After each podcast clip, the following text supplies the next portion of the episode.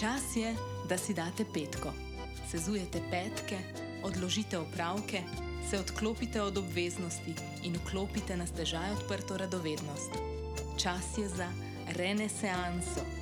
Vaš petkov podcast o trendih, tehnologiji, inspiraciji, svetu kot je in kot bo še. Živijo, dobrodošli v novi epizodi podcasta Renesansa. Danes imamo za vas eno poslastico in sicer uh, povabili smo družbo osebo, ki jo jaz vsak dan stokam na Instagramu in na Facebooku. Pa da se ne bo zdaj to fulno robe slišal, uh, v glavnem, on je eden izmed mojih fantastičnih uh, znancev, ki so v času karantene dejansko počeli nekaj zadivjega in sicer ga vsak dan ob 6:30 obišče Veverica. Um, preden se razgovorimo še več na to temo, pa moram povedati, um, kdo Daniel je. Uh, z nami je danes oseba Daniel Fazlič, ki je vsebinski inženir. Ker jaz ne vem, kaj to pomeni, nam bo mogel o tem malo več sam povedati kasneje, lahko pa povem še, kako smo se spoznali. Bilo je cirka leta 2016-2017, mogoče se veste, kako to je, leta hitro minejo. In bil je ob 8. marcu en dogodek na FDV-ju, ki ga je organizirala Nina v okviru Inštituta za enako, enakopravne zmožnosti. In sicer je bila okrogla miza, jaz sem tam malo zastopala ženske v tehnologiji. In bil je ena tako zelo taka dinamična debata. In med, ne vem, mogoče 50 udeleženci so bili v sobi, mogoče 4-5 fantov, med drugim moj mož Daniel in še nekaj, ki jih nisem poznala. In z Danielom smo se takrat fantastično, fantastično razgovorili, ker on je pa novinar. In mene je zelo zanimalo pač pokrivanje žensk v medijih, tako da ja, debata je vodila v eno tako razvoj z nekega lepega poznanstva, zdaj ga pa vsak dan šnokam, zaradi tega, ker pač strima tisto svojo veverico. Ja, um, Predtem smo se pripravljali na to debato, je Daniel rekel: Ti povej svojo zgodbo, potem bom pa jaz povedal pravilno zgodbo. Daniel, Lepo pozdravljeni.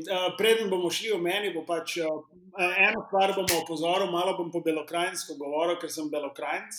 In na podcastih je ena dobra stvar, da lahko malo po domače govorimo, da se ne rabim držati slovenščine pravilne. Večina si pravilno povedala. Eno stvar si pa pozabila, da smo se mi dva z, z možem večinoma kregali in potem si nam ti not prišla in nam povedala, kaj se moramo pravilno kregati. In tako so se potem še mi dva malo začela pogovarjati in kregati, in pa smo se kar dobro zaštekali, ker sem jaz spoznal, da, ker sem jaz pač v eni točki spoznal, da imaš ti prav, je potem šlo. Tako, da, to, tako je šlo to v praksi. To je bila zelo lepa dopolnitev tega. Da, zdaj pa pridem za ta, bo pač tako. Jaz se moram ful, ful, ful, dozdržati nazaj, da pač tako je fokus na tebi. To sem ti presegla na Facebooku, ker smo se pripravljali na, na podcast, da ne bomo pač tako zgovorili o Veverici. In kadar začnem preveč govoriti o Veverici, me ti takoj ustavi.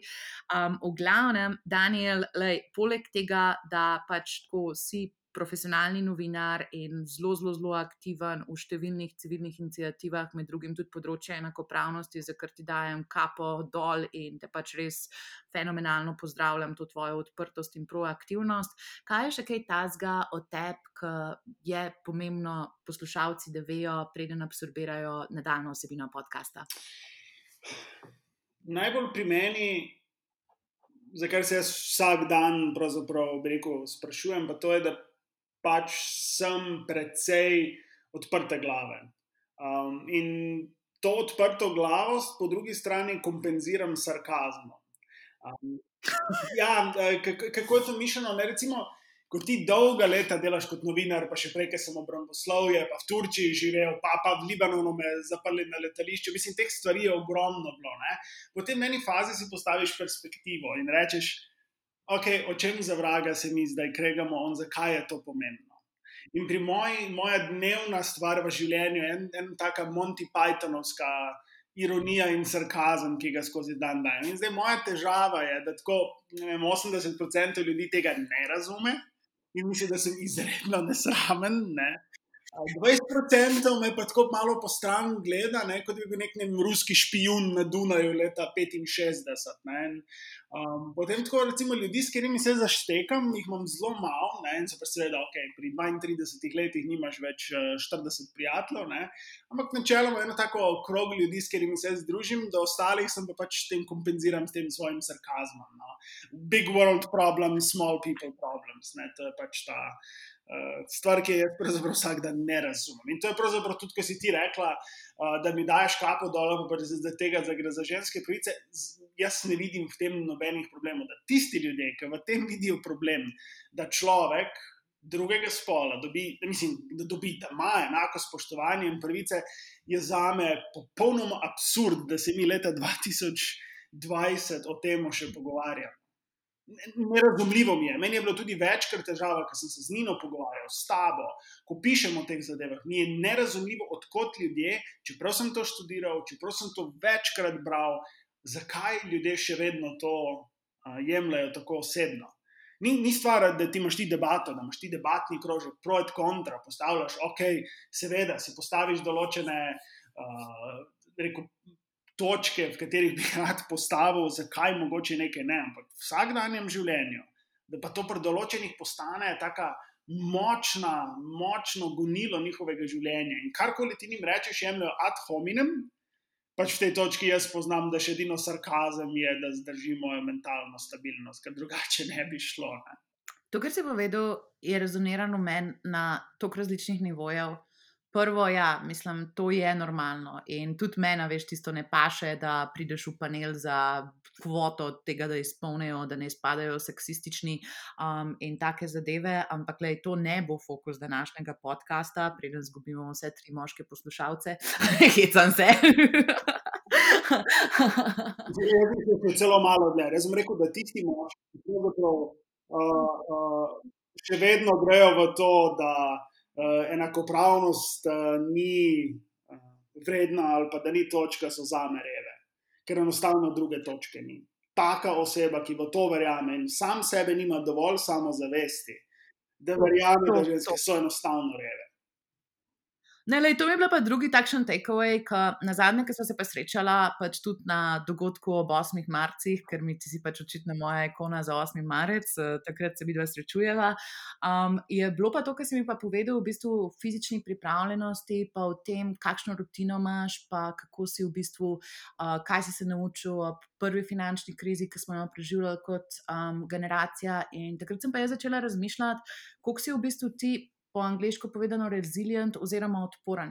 Kako moraš imeti v glavi pač res en fantastičen mindset, da greš čez te stvari. In danes bi se definitivno rada uh, dotaknila malo tudi tega. Pa ne mi zdaj takoj podati žoge nazaj, to je normalno, zaradi tega, ker to je izjemno. In um, ne se samo sabotirati v teh pogledih, prosim, odkrito govori o teh stvareh, ki v tvojem življenju um, potekajo. Tako da začniva kar z vprašanjem, kako kaj poteka tvoje delo današnje dni? Dan, danes, uh, zdaj smo že počasi nazaj v službi, gremo po, zelo postopoma. Ne? Ampak bili smo pa od um, jo, 10. marca, tam, nek, tam tisti vikend, nekje, od doma smo delali. Um, pač prilagodiš se. Jaz sem, kar se tega tiče, res tudi, ker se pogovarjam z drugim, malo poseben, ker jaz se vedno v neko rutino vržem. Uh, in rutina je meni stabilnost v glavi. Tudi Zdaj mi malo več o tem, prosim. prosim? Kakšna je tvoja ja, recimo v normalnih razmerah, ne? se pravi, mi dogovorimo, ko je greva reči decembr 2019. Ne? Jaz stanem ob štirih, spijem kavo, naredim malo obreko, lece in podobnega, ob pet pa še nekaj se gre v fitness oziroma športat, eno uro pa pol športanja, potem služba od 8 do 4, 5, 6, odvisno kaj je, zvečer knjiga, učenje, zdaj pač uh, se trudim čim več pilotirati, tudi pa pač še to ti vzame veliko časa učenja. Ne? In potem nekako greš ob devetih, desetih spat. Ne? Ampak ta rutina um, je meni veliko stabilnosti prinesla, pa pravzaprav tega zavedanja, da veliko stvari, ki bi jih rad imel, jih ne morem imeti, in veliko stvari, za katere bi v bodoče rad počel, bom potreboval še veliko časa, da jih naredim. In ko je prišla ta karantena in te izolacije, se pravzaprav zadeva ni veliko spremenila. Jaz sem pač potreboval, vedel, vedel sem, da moraš imeti neko rutino. In sem si pač to rutino relativno hitro postavil, da sem imel ta svoj mentalni okvir stabilnosti, ne, v katerem sem si jaz vedno spoznaval, da okay, um, ne, ne bo tega in tistega, ne morem iti k staršem, ne morem iti v drugo občino, ne morem iti hribe, ne morem iti tam. Ampak si postavim, postavim nov, nov mentalni okvir, skozi katerega si projiciram stabilnost. Ne. Se pravi, ostaneš ob petih, uh, greš teč za eno pol ure, se spiješ kavo, uh, pogreš gost, uh, poslušaš ptičke, karkoli, ker si narediš neke točke skozi dan, ki mi ga držijo, da si lahko vsak dan rečem, no, vse to je tudi ok, to je normalno. Um, kot novinar sem leta, leta spremljal Sirijo. V Turčiji sem živel, ko so bili teroristični napadi stane. In potem se pravzaprav vprašaš danes, ok, številni smo. So izgubili službe, številni smo pač zaprti v stanovanjih, marsikaj se bo naredilo, ampak na koncu koncev na, ne, na nas ne padajo artilerijske granate, na nas ne raketirajo letala, bloke, uh, ne padajo bombe iz helikopterjev in podobno. Ne. Pač si rečeš, ok, le, vse to bomo preživeli. In se pač na to novo realnost prilagodiš, ni mi všeč, da smo si nejasni. Ne. Ja, noben nobenemu ni všeč, ampak si enostavno rečem, jaz ne morem nič proti svetovni pandemiji. Lahko si v svojem malem svetu naredim nekaj, da bom jaz normalno preživel ta dan. Ful dobro. Tale mentaliteta, prvič, Um, jaz sem pač tako tudi 5am klub, ampak ti me pa očitno, da se za eno uro prešišaš. Uh.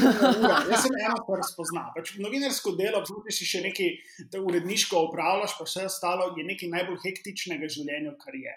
Po eni strani si misliš enkrat na mesec, jaz imam tega dovolj, jaz se tega ne grem, jaz bom, ne vem, kupil restauracijo nekje na Hvaru in bom tiste škržate preganjal, pa tam veverke hrano in potem bom tam delal in to je to. Ne. Po drugi strani pa hitro spoznaš, da se navadiš na ta stil življenja. Ne. In tisto med četrto in šesto uro zjutraj, ko vsi spijo, je moje, to sta moji zlati uri. Takrat Normena normalna oseba, na mentalni ali pa drugačen način, ne bo ob štirih budna, razen če res mora biti. Ja, Lahko začnemo o petih pisati, vse je v redu. Bomo mi do petih imeli kakšen sing. Ampak ja, pač ta, ta mentalna, što, da imaš dve uri dnije, ni nobenega na Messengerju, nobenega na Instagramu, nobenega, da je res tišina. Ko ti pač greš iz postelje, tišina, tema, pa na koncu konca tudi svet, če se dela. Je za mojo mentalno stabilnost nekaj najbolj pomembnega. Se dejansko zelo veselim teh uh, jutranjih ur. In tudi, če recimo grem, pridem ob eni zjutraj domov, če smo šli kam ali kaj takega, jaz sem še vedno stal ob štirih. Veš, kaj ta tvoja rutina, mi zgleda totalno naravna in res prilagojena tvojemu življenjskemu stilu. Tako fulne zgledaš, da bi bil neki tam nadrkan, kot Tonija Robinsona, bereš in whatnot. Um, tako ful se mi zdi, da si res prišel do enega lepega ekvilibriuma v življenju. In da se dotaknem samo še ene teme, ta tvoj blok med četrto in šesto uro um, ko delaš tisto, čemu v tehnologiji radi rečemo deep work ali globoko delo. Um, kako, mislim, a takrat, naprimer, upraviš tisto nalogo, ki ti je najtežja, ali greš takoj mail odpreti, kako, kako delaš v tem slotu, da si produktiven in da ti dobro rtuje. A veš, kaj počnemo ob štirih? Če ti tako rečem, ob štirih je budilka, čeprav se zadnje čase zbudim pred budilko. To je, ne vem, po mojem, Elon Musk ali pa 5G, ne vem, kaj se zdaj teorije za rote, ampak ne, nove, ampak pač nekaj tega, da me lahko tri minute pred budilkom zbudi, potem je vedno Monty Python, tam uh, ena serija se po mojem spomni, jaz se rano pač vstanem, grem v kuhno, dam kavo za kuhati. Eh, čakam, da bo kava zavrela, potem seveda budilka zvoni in se vsakeč znova sprašujem, zakaj ne izklopim. To že tako 30 dni zapovrstijo in pač, ne vem, mentalno mi nekaj manjka, očitno. Ampak uh, jaz od 4 pa 5 minut, pa do 5 zjutraj bom igral igrice. Wow! Jaz imam pač, ok, Call of Duty. Um, pač tudi Wargame ali kaj takega, pač par teh imam full. Pač, ok, jaz imam računalnik, dva računalnika, nek mali laptop, to da lahko pač serije gledam, pa eno kišto, ki je pač bolj pomembna po mojem od mojega avtomobila, ki ima tako več hladilnikov kot uh, veliki hadronski trkalnik, uh, katerkoli. In jaz pač imam to full HD in igram igrice. Tista ena urca je meni za igrice, ampak kompleksne igrice, strategije, težke misije zelo tako kompleksne, ki moraš več stvari naenkrat početi. Ne? In potem se meni po tisti eni urci. Pač čez, ok, konec igrice, konc zmagal, zgubil, kakorkoli, ne, pač provadi je tako 50-50, polovici časa zmagaš, polovici časa zgubiš. Potem se pa spravljam nekaj drugega početi. Ne. Zdaj, takrat, recimo, kako učenje, ponovadi kako analitiko vržem, predvsem, ker recimo jaz tudi upravljam določeno to vsebinsko analitiko, kaj, kje, kaj, zakaj, s kom, s čim, kje se je bralo, kaj na katerem portalu, kaj to. In potem se pač odprem vse te možne Excel tabele in pač gledam. Um, Malo s pomočjo grafa, ampak malo sem se pa že na številke, na neko njihovo naravno nihanje, ki se pojavlja skozi dneva, v dan, pa skozi uro v uro, si navadiš približno, kako se bo medijski svet obnašal. In pač potem te, te, te sinusodne ali kakršne koli druge amplifikacije, ki se pojavljajo, meni tudi neko drugo stabilnost povzročajo, vem, čudno sem, ja, Excel, ja, le, vem, ni, ni, nisi, niste edini, ki to pomislite. Ampak pravzaprav te, te naravne neke zakonitosti meni zelo uh, hitro jih opažam, pa vidim razlike, pa opažam, ki so izstopanja, pa potem izstopanja. Pogledaj, meni mentalno, ful dobro, recimo, da so odkrijem, ah, to pa to je bilo takrat zaradi tega pa tega. In tako da, recimo, moji sošolci, pa tako, ne vem, sodelavci, ja, sošolci, vidijo, recimo, da se pošiljam maile tudi pred šesto, pa kaj takega, da imam eureka moment zjutraj. Ne. Daniel, živijo, uh, fellow gamer, uh, pač tle so se kar najdel, jaz sem recimo tudi gamer, pa mi je zanimivo, ker pri meni je vedno tako, da če začnem dan za igro, Aha. se nikoli ne končati, kot si ti rekel, sloto ene ure, ampak ponovadi potem zavleči. Tako da jaz vedno dajem vse te sproščujoče dejavnosti na koncu dneva. Eh, kot nagrado, zato ker pač prej moram biti skoncentriran in je vsaka taka stvar, kot je recimo igra, ne vem, pač igrani inštrument ali pa česa podobnega, me pač zmoti. Tako da to mi je zanimivo, da imaš ti to kot začetek dneva. Mora biti, veš kaj. Jaz recimo, da bi igral Call of Duty zjutraj redko, redko, ker mi je pač preenostavna igra. Ne? Recimo, okay, bom se spravil tisti, kak treasure hunt, pa je tako, ko pač zahteva malo več nekega razmišljanja. Ne? Ampak načeloma imam parat kakšne kompleksne strategije, kot so Wargame, Silent Hunter ali kaj takega, ker ti dejansko moraš res razmišljati. Razumem. Ne? In to mi je pač tisto eno urco. Recimo, da bi pa jaz tako igrice igral za zabavo, to bo tudi zvečer. Ne? Ampak to so tudi druge igre. Razumem je, je bolj v smislu Game of Chess, ker pač to so, to so potez, strateške potezne igre, kjer je v bistvu res treba več razmišljati, kot pa dejansko klikati. Ne? Tako, tako. Ne? Tisto, recimo, ja. samo klikanje zjutraj mi niti ni tako uh, zanimivo, ker sem tisto zjutraj od 4 do 7, sem rekel, mentalno mogoče najbolj aktiven. Um, pol čez dan, recimo tam nekako do dveh, mi še gre, ne? potem pa počasi začne dol. Pa pol zvečer se spet malo stabiliziram. Ampak načeloma zjutraj imam za te povezave, da reko, kaj je za tem, kaj se to dogaja, sem najbolj zjutraj aktiven. Pač jaz sem jutranji človek, jaz večer sem kot uh, špaget, ki ga, ga kuhaš pol ure. Od mene ni nobene koristi zvečer, res. Jaz, jaz sem zvečer rekel, to vsi moji kolegi vedo, da jaz, odkar se jaz se spomnim, jaz nisem nikoli ven rad hodil žurati. Za me je bilo žuranje mentalno pripravljanje. Pa ne zaradi tega, da jaz ne bi rad žural, jaz sem z veseljem hodil ven žurat, pa kar koli počel. Ampak jaz sem bil znan po tem, da sem jaz ob pol enih se izklopil. Ker menim, da sem jaz lahko tudi na bas se usedel in sem zaspal. To je bilo moja ovira. Zjutraj, ker se pravi, jaz sem ena normalna oseba, zjutraj ob štirih se ne, pač ne vstane. Ne? Jaz pa zjutraj sem res, jaz, jaz vstanem ob štirih in jaz sem čez minuto čist po koncu ni tisto, da bi se pol ure zbujal ali nekaj takega. Čim jaz oči odprem, je jaz sem buden. Pa tudi pol po kosilu nimaš kakšnega energy dropa, ne, pa kaj takega. Ne, ker, ker, ker je ful pomembno je pa to. Ne? Če jaz ne grem zjutraj za eno uro ali pa uro, pa pol športati, sem jaz cel dan zlomljen. Jaz sem se tako navadil skozi cajt, da mi je to športanje nekaj najbolj pomembnega, je. Ampak zdaj ne govorimo, da moram tle deadlift 140 kg ali pa nekaj tasga. Ne. Na koncu, če grem v teč za pol ure ali pa v gost na sprehod. Ampak ta stvar, veš, da se jaz malo prešvicam, pa da mi gre iz glave karkoli je, ne, mi je ful pomembno. Če pa nisem, recimo, ko sem se enkrat nekaj ramo poškodoval, pa nisem mogel športati, sem pa, sem pa uh, hotel spati do 8, do 9, nikakor da ne, res sem ogromno želel spati, ne, pa sem bil res utrujen cel dan. Uh, tako da ta, ta športni element je zelo, mislim, da se ga ljudje doskrat ne zavedajo. Da se raje, raje vstanem ur, dve urci prej, pa grem športati, kot pa da bi spal več, pa da ne športam. Jaz sem tako, čez ta pogovor, občutek, kot da sem dva ista oseba. Pač tako ekstremen early bird, tisti ljudje, od katerih dobivaš maile o petih zjutraj in ti pol pač pišejo dožmišljske smisle nazaj, zakaj se oni nikoli ne bi mogli zjutraj zbuditi in si ti tako, ok, le, jaz sem že štiri ure pogano, pač tako, da pridimo k temi. Um, ful mi je všeč tudi, kar si rekel za šport, ker, ja, mislim, ne glede na to, kaj se ti v lifeu naredi, to je takšen driver za to, da se da stres ven in pač tudi za disciplino. Ej, če zjutraj narediš pač tiste deadlifte, kar koli ti že delaš, jaz se, se pač danes malo s ketlom igrala zjutraj. Um, to je meni tako ena izmed težjih stvari fizično, kar jih bom naredila čez dan. Tako da pa, ko se usedem za računalnik, je tako v redu, imamo to, gremo. Pač nič mi ni tako težko, potem, ko že naredim jutranjo rekreacijo in me sprav čist v en drug.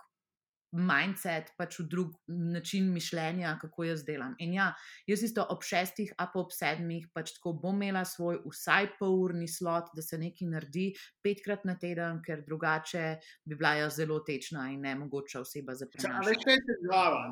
Večina ljudi, večina ljudi si predstavlja, zato ti dobro razumeš, pa večina da. Ne? da Večina, ljudi, pač večina si predstavlja, da to jutranje športanje ali pa popodansko, kadarkoli, ki se ti na njega navadiš, da ti to rad počneš.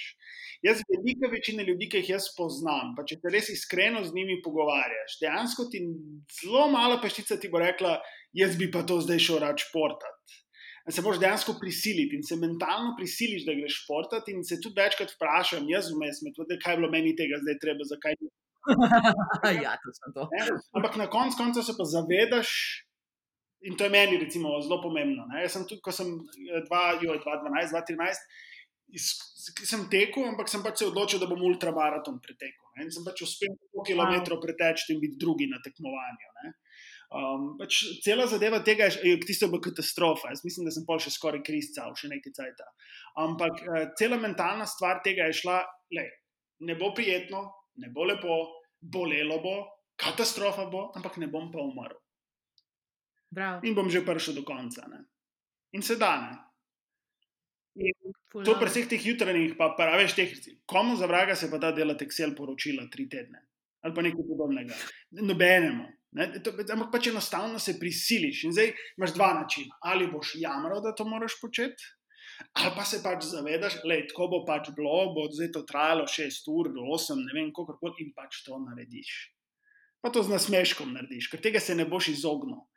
Um, in to je ena stvar, ki jih zdaj, recimo v tej korona krizi, malo ljudi pogrešajo, ker pač ne vidijo izhoda iz tega. Ne? Um, kam bomo naredili, moja generacija, recimo, ne? bomo službe izgubili. Lej, tako je bilo leta 2008-2009. Jaz sem.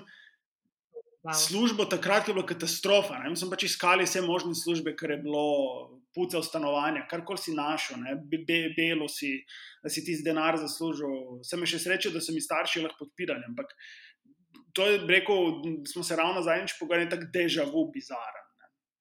Ja. Ki, ki uh, ga ljudje, jo zdaj pa katastrofa. Veš, ampak ta, ta, vse nasploh, če pogledaš, tisti, ki v medijih delate, pa sploh spremljate družbeno mrežje, ta družbeni šok, ki nekaj vrže ven iz ravnotežja. Um, čeprav jaz pravim, da zadnje leta je še ta težava, da ta družbena resnica ali pa neka družbena usmeritev, ki se, se toliko, na toliko nivojev postavlja, da so se te množice znotraj tega razdrobile do te mere, da ti enostavno več nimaš možnosti, da bi bili ljudje srečni po svoje. Pač ti, ti imaš neko teoretike zarote, imaš te, ki verjamejo to, imaš vsak ima neko svoje prepričanje, ki je popolnoma nezmotljivo. In ko se jim vrže nek zunani faktor, ali pa to je epidemija koronavirusa, ko jim vrže ta svoje prepričanje iz tega okvir, mentalnega okvirja, so izredno ne, nes, nesrečni. Ne? Namesto da bi rekli, da stopili korak nazaj, pa rekli, ok, bombniki ne bombardirajo ljubljene, vodo imam, elektriko še imam. Ne? Govorimo za 80% ljudi. Ne? Tudi ostale se bo rešilo. In tudi ostali bomo to preživeli, ni, ni neka taka stvar. In se ne veseliš tega in ni kul. Cool, Ampak na koncu konca ogromno ljudi imaš, ki zbolijo, ogromno ljudi imaš, ki v nesreči se jim kaj zgodi in podobnega. Pa spet, ker ni to neka taka družbena, celotna stvar, ki je zadela res dejansko 2 milijona ljudi, kot je Slovenija, in se potem težko identificiraš s tem, kaj se z mano dogaja. Tudi malo sem se mislil na tole navezati. Uh, prej si omenil tudi analitiko, pa me zanima vsem ta pogled z druge strani, ne? se pravi z medijske strani. Uh, kje po vsebine pa bralci res najbolj spremljajo, kaj jih najbolj zanima? Um, gremo reči, kako je tako. Če mi dva greva, greva pogled kronologijo. Februar, januar, na kitajskem se nekaj dogaja. Ampak kitajska propaganda, komunistična partija, vemo, kako deluje ne, pri selektivnem izboru teh informacij, tako da se kaj veliko ni vedno. Ampak to je bilo tisto stvar, kar so ljudje mislili, se to k nam ne bo šlo. Tudi če so mislili, da bo k nam prišlo, se tega niso verjeli, da bo k nam prišlo. Ne.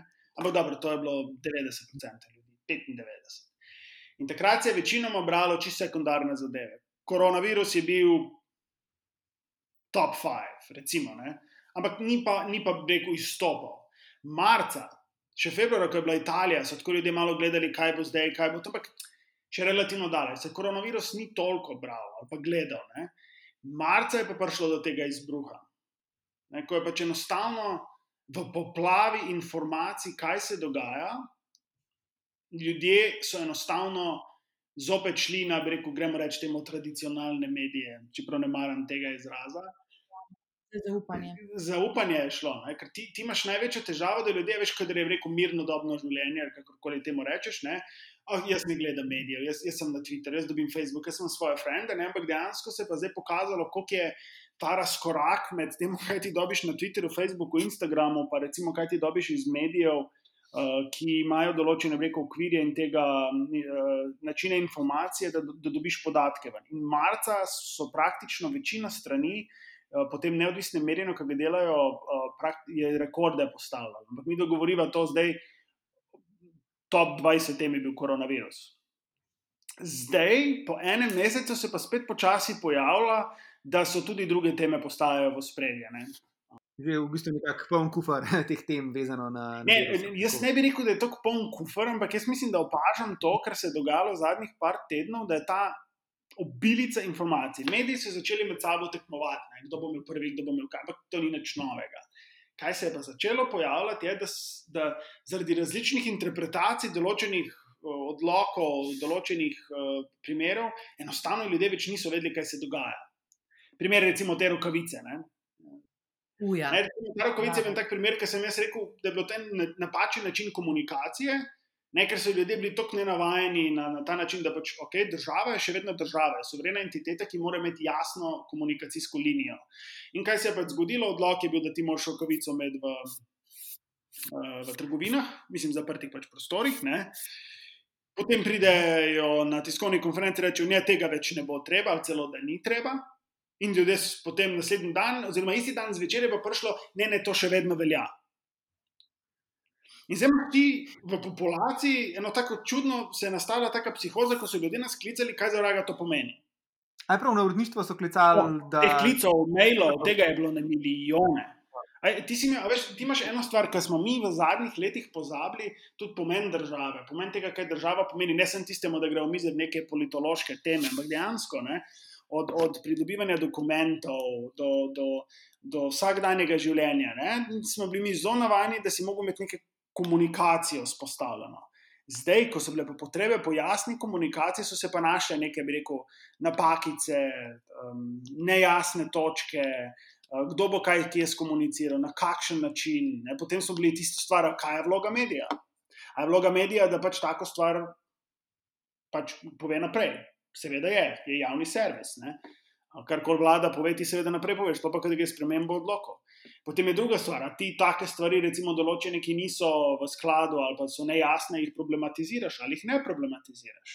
Najdeš neko, ne, moraš ti pravzaprav ti kot novinar preverjati, ali je bila to nenamerna napaka ali je bila namerna napaka.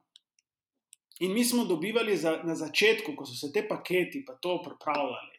Um, mailov, na Twitterju je bilo spraševanje, posod, ne, kaj za vraga nek odlog ali pa neka odločitev pomeni. Kaj pomeni, recimo, uh, uh, ko so dali, da se ne smete v druge občine? Ne, to je bilo, ne smete iti izven občine svojega stalnega in začasnega prebivališča. Cel kup ljudi si imel ti, ki niso začasnega prebivališča imeli prijavljeni. Ne? Moraš imeti digitalno potrdilo, ne moreš iti na upravno enoto, ker pač upravne enote ne delajo. Kaj zdaj? In so spet potrebovali 4-5 dni, da so nekaj pripravili. Vedno je bil ta razkorak, mi bomo nekaj naredili, potem pa par dni je trajalo, da so se zadeve speljevale. In nas so v tem času vedno klicali ljudje z najbolj navadnimi vprašanji. Jaz imam v vem, občini te pa te uh, bolne starše, ki jim moram, uh, moram pomagati, da jim grem po hrano. A, a grem lahko zdaj? Ja, in kako se to dokazuje potem? Ja, ampak teh je bilo milijone. In to je v manj. Zdaj se pa se tam spet malo umirja zadeva. Mm. Je pa lepo videti, da, da ja, v bistvu ljudje potem mediji kot tako avtoriteto. Tako, uh. ja, pokazalo se je, ti, ti, ti ljudje ne bodo marali. Ne? Ti imaš ljudi, ki ne bojo marali tega medija, ne bojo marali tistega medija, zgodovinsko, kulturno, kakršno koli boš ti imel. Ne? Ampak na koncu koncev naša naloga je v teh poplavah informacij, ki se sploh ljudje ne zavedajo, koliko je teh informacij ti moraš filtrirati, da zadeva približno tako je logična, da boš razumel, kaj se dogaja. In to ni enostavno, sploh v takih razmerah, ker te razmere niso na, na normalne. Um, in in, in tle se je spet pokazalo, ne, da pač mediji niso, ne bodi ga treba, um, kot si večina mislila. Ja, ja. Absolutno. E, kako pa ti uh, v tem kontekstu tudi gledaš na, na Facebook, pa na druge družbene medije, ker po eni strani seveda je to konkurenca za pozornost, po drugi tudi platforma, prek katere ne, se doseže lahko neko dodatno občinstvo. Um, tako da, no, tukaj so tudi pa kar dileme, ker ja, v končni fazi, pa kot si omenil, medijske hiše pa so še vedno ta, te institucije s svojim sistemom uredništev, ki pa ja, lahko zagotavljajo neko verodostojnost informacij. Le, tu je največja stvar. Ne? Jaz sem že pred leti govoril, že 2010, 2012, pa že to sem nekako predavanje ravno o teh težavah Facebooka in Google. Fantastične platforme, ki so zasnovane na. Rekel, logiki, da vsak lahko pove, kar želi, ker vsaka informacija naj bi se po nekih logikah, takšnih ali drugačnih, filtrirala do ljudi, da bodo se strinjali z informacijo ali ne bodo. Ne? Kaj hočem s tem povedati? Ti, te platforme so postale v zadnjih petih letih, tudi zaradi načrtnega delovanja določenih držav, bodimo čisti iskreni. So postale ena platforma, multimodalna platforma za teoretike zarote. In to je postopoma degradiralo zaupanje do medijev in pravzaprav tudi do, do, do, rekel, do mnenjskih voditeljev, kakorkoli jih imenuješ. Ne? In moje mnenje, in še vedno je, bila, je še vedno isto. Facebook, Google in Twitter niso platforme, na katerih boš iskal informacije. Ker nihče ali nič ne zagotavlja, da so te informacije verodostojne, in ali da boš lahko preko njih rekel, da je ta informacija pravilna. In to je ogromna težava, zaradi katerih se, se ljudje ne, ne zavedajo. Recimo en tipičen primer. Po, po Facebooku se je na milijone delitev, mislim, pretirano, na deset tisoč delitev, da od zdaj pa ni treba več pre, uh, plačevati RTV prispevka. Vsi smo to videli. Lahko je bilo zelo jasno, mi smo to zelo jasno povedali za pravne osebe, to pomeni za lokale, pa za tiste zadeve. Ampak mi smo še vedno dobili 500 izmišljujem se na stotine mailov, klicev, da zakaj so nam pa zdaj poslali te položnice, ker se to širi po Facebooku. Ne, in to preverjanje informacij bo zdaj, in vse Facebook se, zdaj so se končno k temu spravili, če smo čisti iskreni. Ampak dokler se tega niso naučili na Filipinih, pa Mjanmaru, ko so mrtvi, bili se oni pravzaprav tega niso začeli soočati. In zdaj se bo spet se bomo o tem pogovarjali. A bodo Facebook, Google in ostali dejansko začeli z nadzorom informacij, ki tam gor krožijo. Prejšnji teden sem napisal članek o tem, da je Twitter 8000 računov v Kinu v Srbiji, ki so, podpi, ki so bili načrtno narejeni, boti in ostali, da so podpirali uh, vodstvo Aleksandra Vučiča. Pa imaš kakšno informacijo, je to tudi na slovenskem trgu, um, že, že Facebook le je aktiven pri preverjanju ja, informacij? Neki sodelujejo z FDV, imajo te določene stvari, imajo določene uh, rekel, preve, preverbe, pa pripravljajo neke zadeve, ampak bo to trajalo še nekaj časa. Namreč največja stvar je, da um, nimamo tale, mi smo preveč gledali televizije in mi mislimo, da artificial intelligence je praktično za eno Skynet, ki se postavlja. Ne? Večina teh machine learning, pa deep learning sistemov, ki jih mi imamo, prvič ni prilagojena za slovenščino. Drugič so predvsem prilagojene na jezik in zelo ne, ne razumejo pomena še, In mi moramo pravzaprav vse te programe zelo dobro naučiti, kaj točno si mi predstavljamo. Kako boš ti enemu deep learning eh, sistemu pokazal, da je nekaj laž ali pa da je resnica. Ker brez tega pa mi teh informacij ne moremo nadzorovati. In bo to ena taka konjska dirka, boš pač dva, dva mesta naprej, pa eno mesto nazaj. Ne? In to bo pa še trajalo. In dokler tega ne bodo poštimali, Facebook pa Google bojo vedno koraki za nazaj za tem. Ne bojo mogli. Mhm. Pa imaš mogoče eh, še kakšno ne vem, napotek ali pa kakšno svojo dobro prakso, kako pa ostati na tekočem za te dni, ne da bi bili pa paralizirani od vseh informacij in novic, ker ja, je lahko res neka vrste never ending stream, ne, zdaj Lej, uh, po medijih vseh možnih updateov glede na korono. Mene je čist zabederil, to je dobro govoril, ampak čist me je zabederil. Lej, lej, lej, ti imaš eno stvar. Jaz sem recimo že parkrat opozarjal, pa pisal, da state actors using social media uh, for non-state attacks. Ne? Kaj pravzaprav to pomeni? Da so državni sistemi, ali so bili to Rusi ali pa Srbiji, pa tudi verjetno Sloveniji, ne vemo, pač uporabljajo ta omrežja, da načrtno zbijajo resnico. To ne pomeni, da mi ne moremo to resnico prefiltrirati. Ampak moje vprašanje skozi cel cel pač ta, ta cinizem, sarkazem, ki jo uporabljam, jaz, ko imam smartphone, zdaj trenutno v roki, ne, jaz imam vso znanje, ki ga je človeštvo kadarkoli naredilo, ga imam na dostopu v roki. Mi pa še vedno verjamemo, da je 5G kuri možgane. A, in prepoča korona. Ki jo lahko lahko rešimo? Ne. Rabimo to izobraževanje. Mi moramo pač opozarjati za te zadeve, da se to more nadzorovati. A se bo to nadzorovalo? Bo, ampak jaz mislim, da še naslednjih deset let se ne bo. Ne bo, ne bo učinkovito. In v tem cajtu bomo pač videli ta post- post-fact world, ki ga govorijo. Ne? Ti imaš tudi voditelje, pa ni tle samo Trump, Bolsonaro, kakorkoli. Ja, veš, tudi pri nas, ki so bili ali ta levi ali ta desni, vse se eno.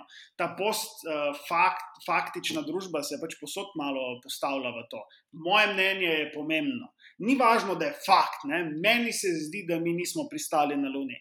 Ja, ok, Jože, povedal, da se bo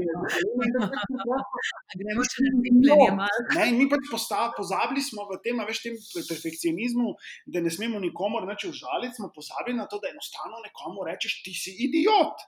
A veš, če do mene nekdo pride in mi reče, meni se zdi, da je 5G, uh, kuri možgane, ne vem, kaj so ptice, vse vsak, da, ne, da, da aktivira korono. Hvala, ti si idiot. Kaj ti s to osebo pogovarjati? Mi smo- pač v tem času, da recimo je en tak primer, ko, ko, ko so meni vzeli leta življenja, ko so imeli za 5G nek posvet na, na ministrstvu za javno upravo, mislim, da je bilo. Uf, sem videl, da Malce z inštitut- iz inštituta Jožef Štefan. To je najpametnejše, kar Slovenija premore, ko se mi skrijemo, ostali lahko proti njim, ko se enostavno rečeš in greš. Ne? Ampak ne, mi smo dali njih nasproti v enakih oblekah, na enakem času smo dali ljudi, ki verjamejo, da je harp ali pa kremtrevi, da pobijajo ljudi. In kaj smo mi s tem sporočili? Ne vem, enostavno ljudem, ki bi rekli, joj, kdo je tebi dal zagovoriti, ne, kot to, smo jim dali enako platformo, mnenja so pomembna, se mogoče pa imajo prav. In tu smo mi v tem, tem težavah. Veš, kot tudi vprašanje, ki si ti postavlja, ne, eh, eh, kaj mi lahko s temi paraliziranimi z novicami ali pa vsem tem, kaj mi lahko naredimo. Ne. Eh, Enostavno moramo se zavedati, da ne smemo verjeti vsaki zadevi, ki se pojavi. Ti imaš medije, ki imajo ljudi, ki tam delajo to že desetletja. Imaš medije, ki so veliki, ki, so, ki, ki, ki imajo ljudi, ki imajo obraz za tem, ki ga lahko izslediš, ki veš, kdo je. V, če si malo inteligenten, lahko večina teh ljudi kontaktiraš direktno v relativno kratkem času. Ampak mi smo pa še skozi verjeli enemu anonimnemu profilu na Facebooku. Ne, veš, to je taka i- idiotska zadeva. Jaz, jaz, jaz enostavno dan danes, kader mi nekdo reče neko tako stvar, da mi nismo na Luni pristali, da so fejkali američani, ali kar koli rečem, pač ti si idiot. Enostavno si mi ne da več, ker je, ker je tale politična korektnost šla malo glede tega šla predaleč. Ne. In, in, in imam težave zaradi tega včasih, kadar to rečem, ampak pač enostavno, sorry. Če nekdo nek, nekemu skupini strokovnjakov iz inštituta Jožef Štefan ne verjame in reče, da ima on pravo resnico, ja pač jaz sem Marija, ne, pač rečeš, joj, kje smo mi pristali. Ne. In tle je isto, lej, ti enostavno ne rabiš korono skozi spremljati. Rečeš si, jaz bom ob desetih pogledal, jaz bom pogledal ob dveh, jaz bom pogledal ob šestih. Poglej si tistih par medijev, kaj jim verjameš. Ne viseti na Facebooku, ne verjeti teti, ki šera nek članek, da so Srbi odkrili koroni. Ne temu enostavno pač okay, s sarkazmom, če ste kdaj videli pod mojimi postih, se na te stvari odzivam in potem je tako, fulje zabavno od meni. Jaz obožujem to, ker potem, se pravi, 80% ljudi misli, da sem jaz resen in da se strinjam z njimi, 20% ljudi pa vidi, da se hecam z njimi in gre včasih na zelo fantastične nivoje. Ampak enostavno ne, ne moreš, mislim, vsak mora svoje najti. Eni so radi na, na teh, um, ampak pač moramo te zadeve prefiltrirati v svoji glavi prvo. Ni, ni recepta. Če bom ti rekel, zdaj je recept, da ja, zdaj pa pej, pa ne vem, uh, glej naš portal, glej to, glej uno. Glej, ja. Ti moraš se zavedati, katere zadeve imajo ljudi, za tem, ki to počnejo, kdo so ti ljudje, to se da vse preveriti in kaj ti ljudje počnejo. In to ti je najboljši filter. Okay. Jaz se tukaj le hitam, po moje, zadnjih deset minut, pošter, res upam, da se to ne bo slišal, zaradi tega, ker je bilo par tako, tako, tako dobrih pointov. Mislim, tiste stvari, v kateri jo veš, vsi premišljamo, ampak ja, ti jih rečeš na glas. In... Ena stvar, ki meni recimo ne bo jasna. Ne vem, kje sem bil že, ali je bilo to na moti, ali kje smo bili. Ko, meni, ko mi pride 40-letni tip, pa mi reče. To, da ženske, uh, uh, kako je bilo že, to, da imajo ženske ne volilno pravico, ampak da, da, da moramo jih imeti v parlamentu, da to je bila največja napaka, ki nas bo biril. Aj te neke, te neke uh, tiste mentalne verige, ki se postavljajo, ko se na koncu sprašuješ, da, da, zakaj sem jaz tle. Ne, to je prva stvar, potem ti rečeš, jaz sem te osebi, ki imaš 43 let, ne vem koliko je star, sem ti si idiot, tebi bi mogli vzeti državljanstvo in te postaviti nekam, da nekaj počneš, recimo karkoli drugega. Ker pač da nekdo, pri odrasla oseba, moška ali ženska, verjame v take stvari, enostavno je idiot. Ne moreš ti. Až, recimo, en tipičen primer je, ker se meni vedno, vedno razburja v tem našem družbi, ali to gre za ženske pravice ali pa, ali pa za nekaj takega. Ti imaš na eni strani ali pa globalno segrevanje, tak tipičen primer. Imaš 99,9% znanstvenikov, ja, globalno segrevanje je človeški faktor. Enega imaš iz Črnomla, ki verjame, da ne, to je pa kriva, ne vem, kopa pa žabe, ki se tam ne vem, sperijo. In potem mi v družbi bomo vedno imeli, da je globalno segrevanje resnično. Celoten inštitut Jožef Štefana in vsi ostali uradi, šadara še, uh, si, izberi si katere koli organizacije, NASA, EDA, vsi rečejo, ja, ampak Janez iz Kope pa pravi, da ima drugačne dokaze. Ampak mi vedno predstavljamo, da je to ena vrsta sena, pač imamo tudi ena mnenja. Ne? Mi smo tako. In pa je vprašanje, jaz enostavno, da nas teh pač stvari, ki se to pojavlja, večim ne dajem. Ne dajem jim jaz kot novinar jim ne bom dal, kolikor imaš ti celotno znanstveno skupnost, ki verjame v eno stran, da boš ti enakopravno opredelil. Seveda bomo jih, da jih dam tudi v prispevke, članke, ampak rečem. 99% ljudi verjame, da je zemlja okrogla. Janez, ki je gledal žabe v kopi, verjame, da zemlja ni okrogla. Janez, izvolite. Ne, to mi je pri tebi všeč, zaradi tega, ker imaš pač res visoke etične standarde in pač tako, ok, kljub temu, da govoriš, a veš ta sarkazem in vse take zadeve, mislim, za tem, ker govoriš, se sliš, skriva, vsaj pač v mojih očeh, ena taka velika duša in en takšen ogromen človekoljub. Um, zaradi tega, ker na zadnje, mislim, ker smo se mi da pogovarjali je prišla tudi tema na civilno zaščito, na sposobnost um, obrambe, na to, kako se lahko kot državljani pripravimo. In zdaj pač ne mislim govoriti zombie apokalips, ampak čistko, a veš, mislim iz vidika tega, kakšne so naše preživetvene zmožnosti. Mislim, kaj bi mi naredili v primeru vojnega konflikta, kaj bi mi naredili, če bi bila preskrba hrane uverana, um, kdo zna kmetovati, kdo zna prijeti za orožje, take stvari. In to je bila meni ena taka fantastična debata. In um, v tem kontekstu no, me samo zanima tvoje razmišljanje. Se pravi, prvo si že izpostavil, da ne smemo prizmatizirati čez senzacionalizem oziroma fake news na Facebooku. Jaz sem se bajdo veš, da je res 20 minut skupaj režala tukaj v pošter. Druga stvar, ki bi te pa zdaj le prosila, če lahko še kakšno minutko o tem govoriš, pa je, kako se lahko kot posamezniki prepravimo, da v primeru, da pride do ekstremne situacije, da smo v redu oziroma da preživimo. Uh, ena stvar, ker sem jaz sem bral zgodbe ali pa videl ljudi po celem svetu, ali pa tako, da ljudje so, pri, so zmožni marsičesa.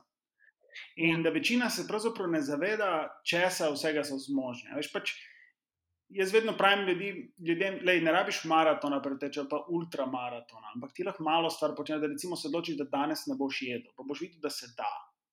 In kar se tiče obrambe, nimamo dovolj vojakov, rabimo več vojakov, rabimo eh, obrambno-varnostni sistem, ki bo zagotavljal nam varnost na takšnem in drugačnem nivoju. Rabimo dovolj civilne zaščite, da se ne bo dogajalo, da bo naši očetje, ki so to še dali čez, ne, se, se spravljali pri 60 letih eh, razlagati eh, osnove civilne zaščite in bodo oni osnova. Moramo tudi mladi to početi, da se zavedamo, da mi moramo biti del. Ne rešitev, ampak ja. sistema, ki nam bo omogočil, da se nam da bomo mi imeli svojo lastno stabilnost. Ker ljudi zelo pomire, kakorkoli mi, le vojsko ne rabiš. Vojska je nekaj najbolj potratna zadeva, ker je človek izumil, dokler jo ne rabiš. Civilna zaščita je metanje denarja skozi okno, dokler jo ne rabiš. Zdravniki so metanje denarja skozi okno, dokler jih ne rabiš. In to so vsi elementi države, ki jih mi moramo imeti, ali so to gasilci. Mi, kot posamezniki, se tega moramo zavedati. To je prva stvar. In da nam ne bo nič nerodno, če, damo, če bomo nam pač pri davkih vzeli tri odstotke naše plače, zato da bomo mi imeli te sisteme, da bodo delovali. Da se mogoče lahko odločim, hej, ta vikend bom pa jaz malo pogledal, kako bi lahko jaz pri civilni zaščiti pomagal, da se popiše uh, hidrante, da se, da se gre pogledat skladišče, če se da pomagati. Da greš za.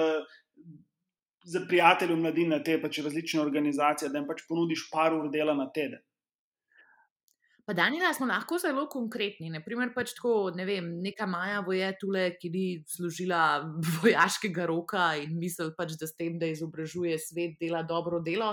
Na kakšen način bi se jaz lahko vključila konkretno v to, da bi pomagala pač pri kakšni organizaciji, pa whatnot, s tem, da ne znam nič.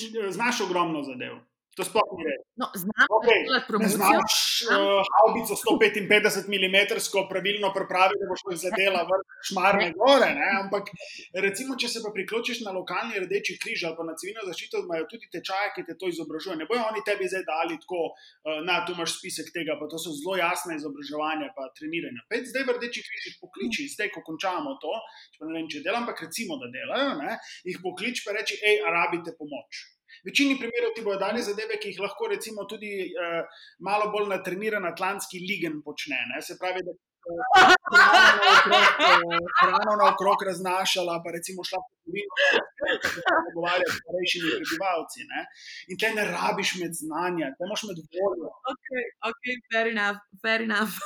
Če boš pa se odločil, da grem jaz za civilno zaščito malo bolj resno, je pa zelo jasni so postopki. Ti se prijaviš, ti pogledajo, hej, veš to, pa to, pa to, boš šla na izobraževanje za nadaljevalno prvo pomoč, pa boš recimo lahko učila ali pa rdečem križu ali pa pri gasilcih prvo pomoč druge ljudi. Ne? Boš recimo za, bila first responder v primeru, če bi nekomu srce zastalo, ker se zdaj spostavlja sistem bo šla pač na tečaje, ki ti jih plačajo, ne, da greš ti na, na uh, specialno prvo pomoč. Uh, um, in različne zadeve. Vse to je na voljo, in v večini primerov je to zastojn. Če pa že je pa znesek tako 20-30 evrov, da ga daš.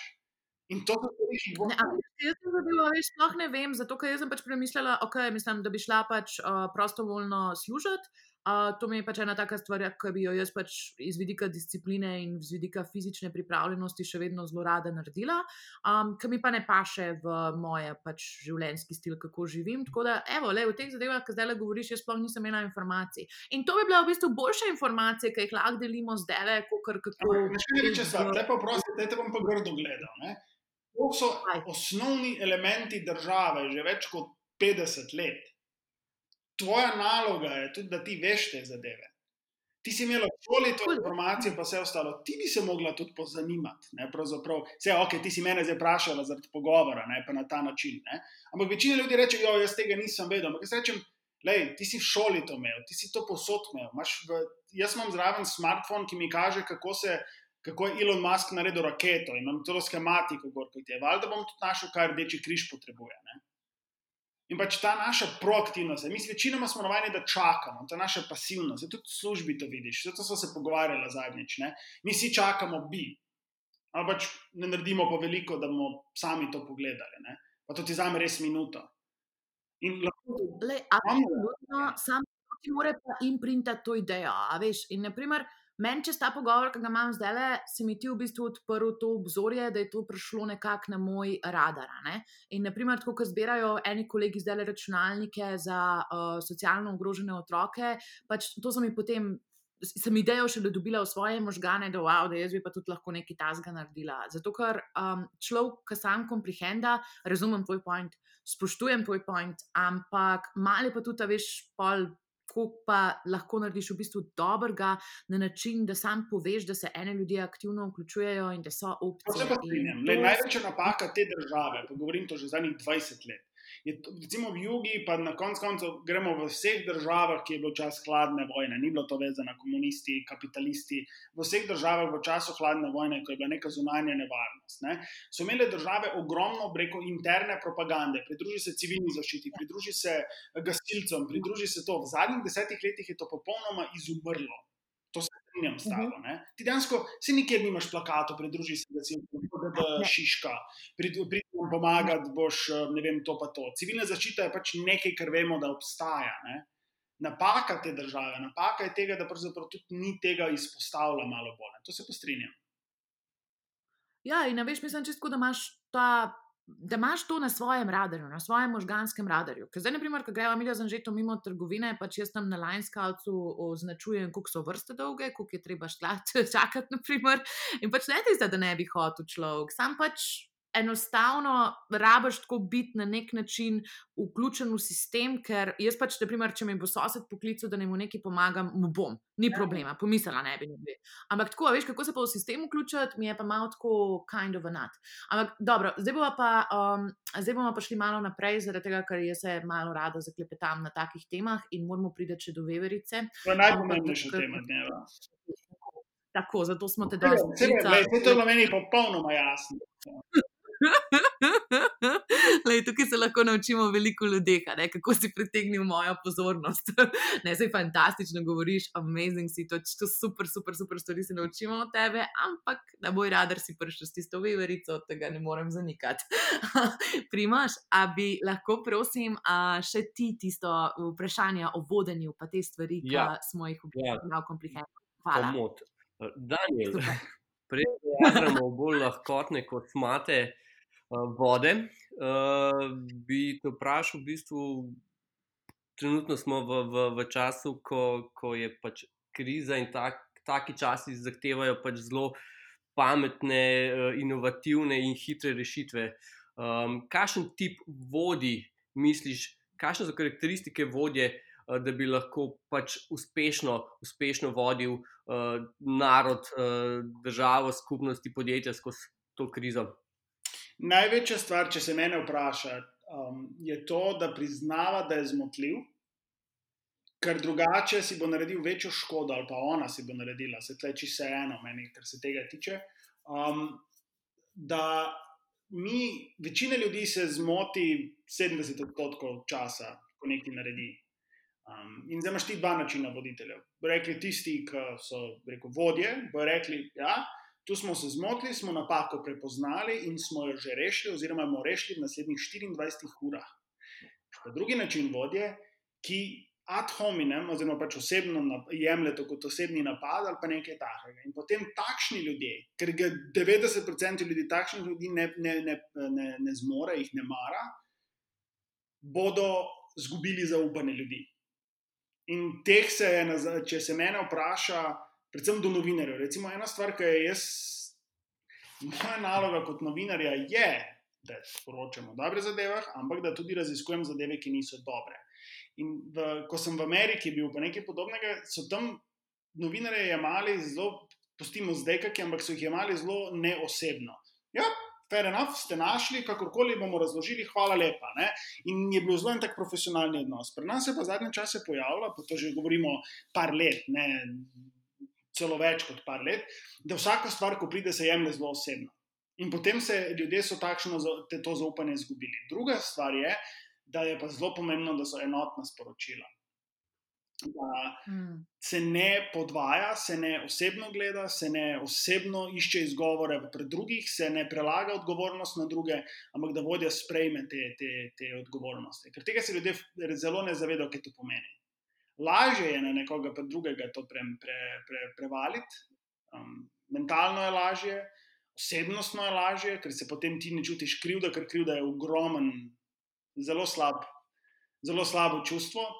Ampak eh, tisti, ki to zna sprejeti, pa to krivdo reče, da sem se tle zmotil, to je moja napaka, jaz jo obžalujem in tudi pokaže, da obžaluje, bo naredil, naredil veliko več kot pa tisti, ki bo poskušal vsako zadevo pomest pod predprogo ali pa pod druge datne. In to smo mogli mi zdaj počasi. Recimo, ameriški predsednik ima to osnovno tako težavo. Ne? On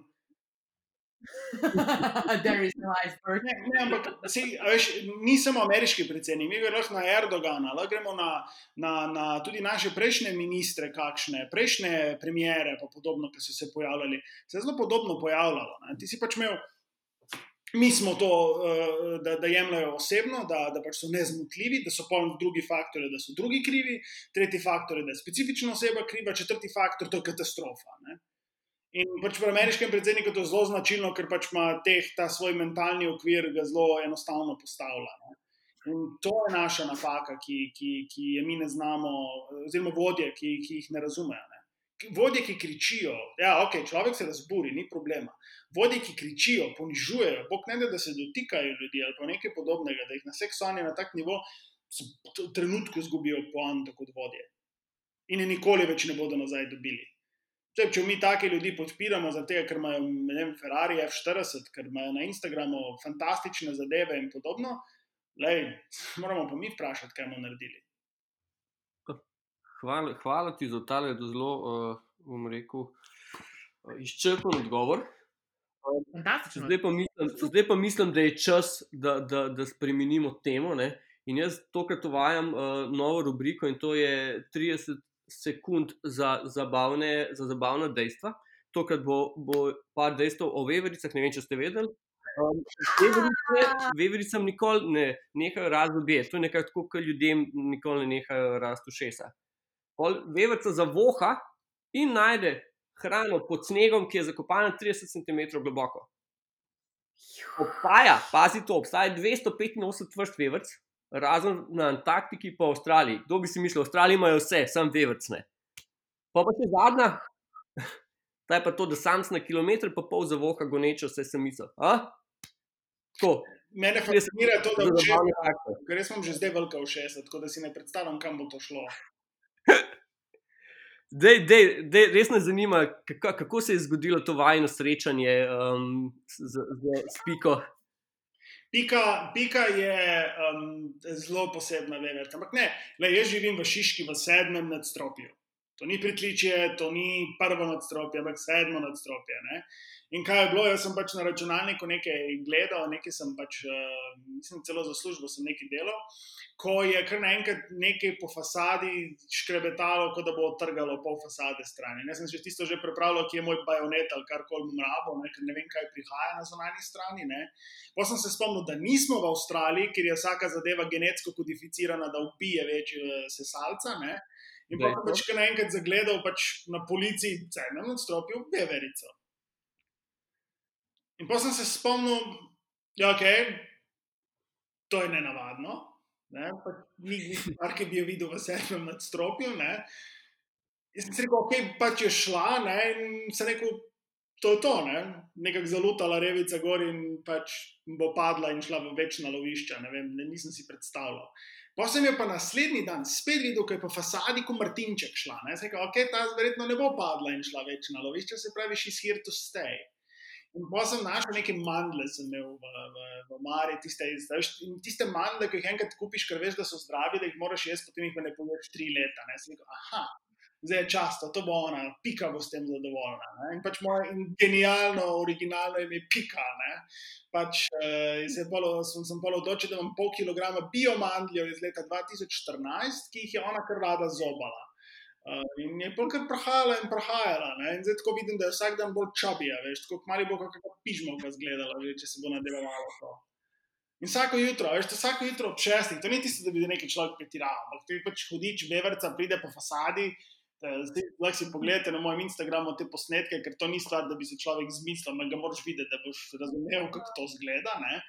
Pride vsako jutro ob 6, 6:30, odvisno koliko je lačna, pa koliko zdaj pač she's getting fatter, tako da pač zdaj več je, ne, in pride prej jesti. Ampak eh, enostavno pride in pač požere. Jaz nisem mogel verjeti, da je neka taka mala stvar, ki iz obi očitno rastejo skozi, lahko toliko ogromno poje. Ne. In ima, še ona ima tle zdaj pač semena, različna, po mojem, boljše je kot jaz, vse bio mandle dobiva. Ne.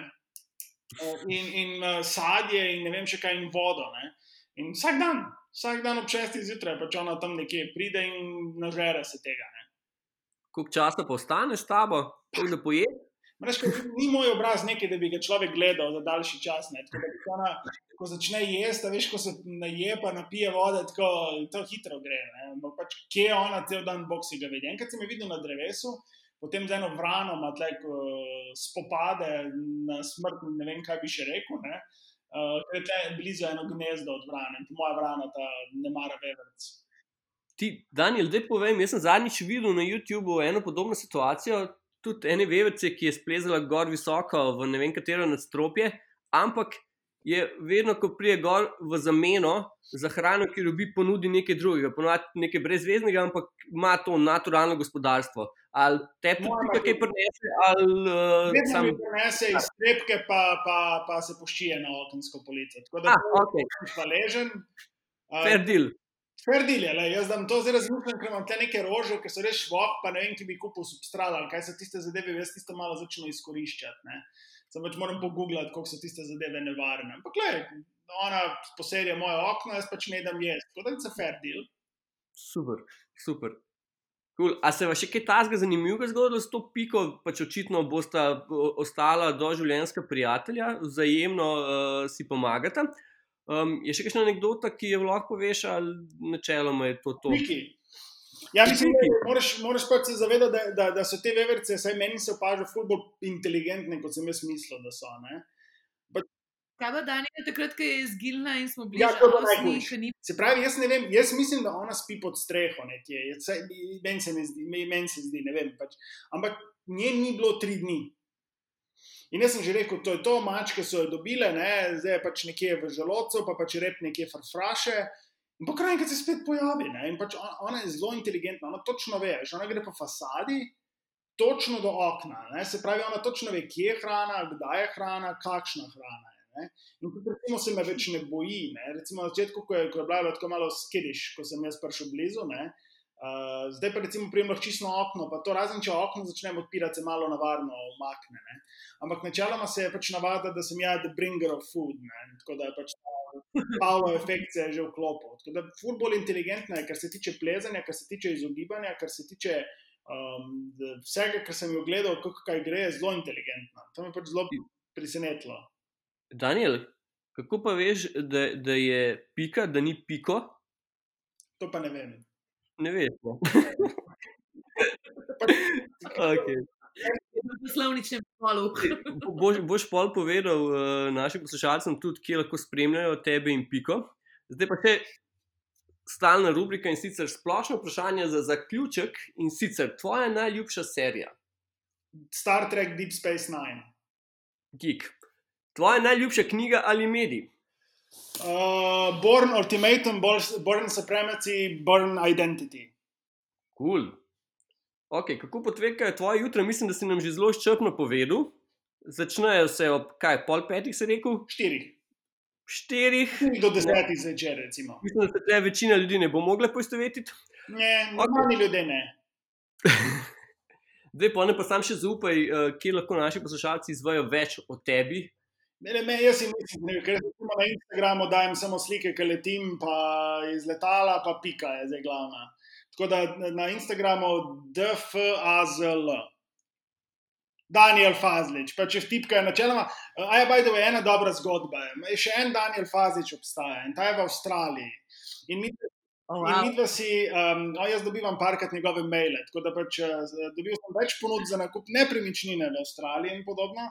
In mi je pred leti pisal, da če bi lahko jaz njemu vrnil Gmail, ker sem očitno pred, malo starejši od njega, ne vem, čeprav so tu nekje. Uh, sem imam Dani LPK Fazlič ne, na Gmailu, uh, on pa nima.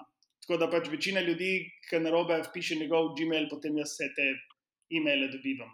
Ja, jaz sem imel, jaz sem imel sodelavko, ki je imela isti problem in je spremljala življenje druge osebe z istim imenom in primkom, in je bilo prav zabavno. Je bila cela televizija. Nekaj, neki, neki kriminalci, nekaj takega, nič, nič konkretnega, pa ta iz Avstralije, veš, tako pač nič vmesni. Le je bilo vse, od, od varanja do, razumeš, eh, ločitev in podobnega. Da, ja. Ne, nikoli ne dobim, meni sem pač hoče od mene, okay, čeprav očitno Daniel, ta avstralec, ful potuje. Uh, to, to, to sem opazil, da skozi nekam leti, ker mu pač vedno daje na napačen račun. Pa ful lepo bajto si je kupil, tako prav, prav, prav žal, žalosten sem bil, ne, ker pač. Uh, je, je... Daniel, veš kaj ti imaš, ker ta avstralski Daniel nima? Piko. Vever. Ja. Ker vever v Avstraliji, tako da lej, si na boljšem, definitivno. Ko je bilo to kul, primaš, kako je bilo to. Ta ti je ratala, ta ti je ratala. Ta ti je res ratala.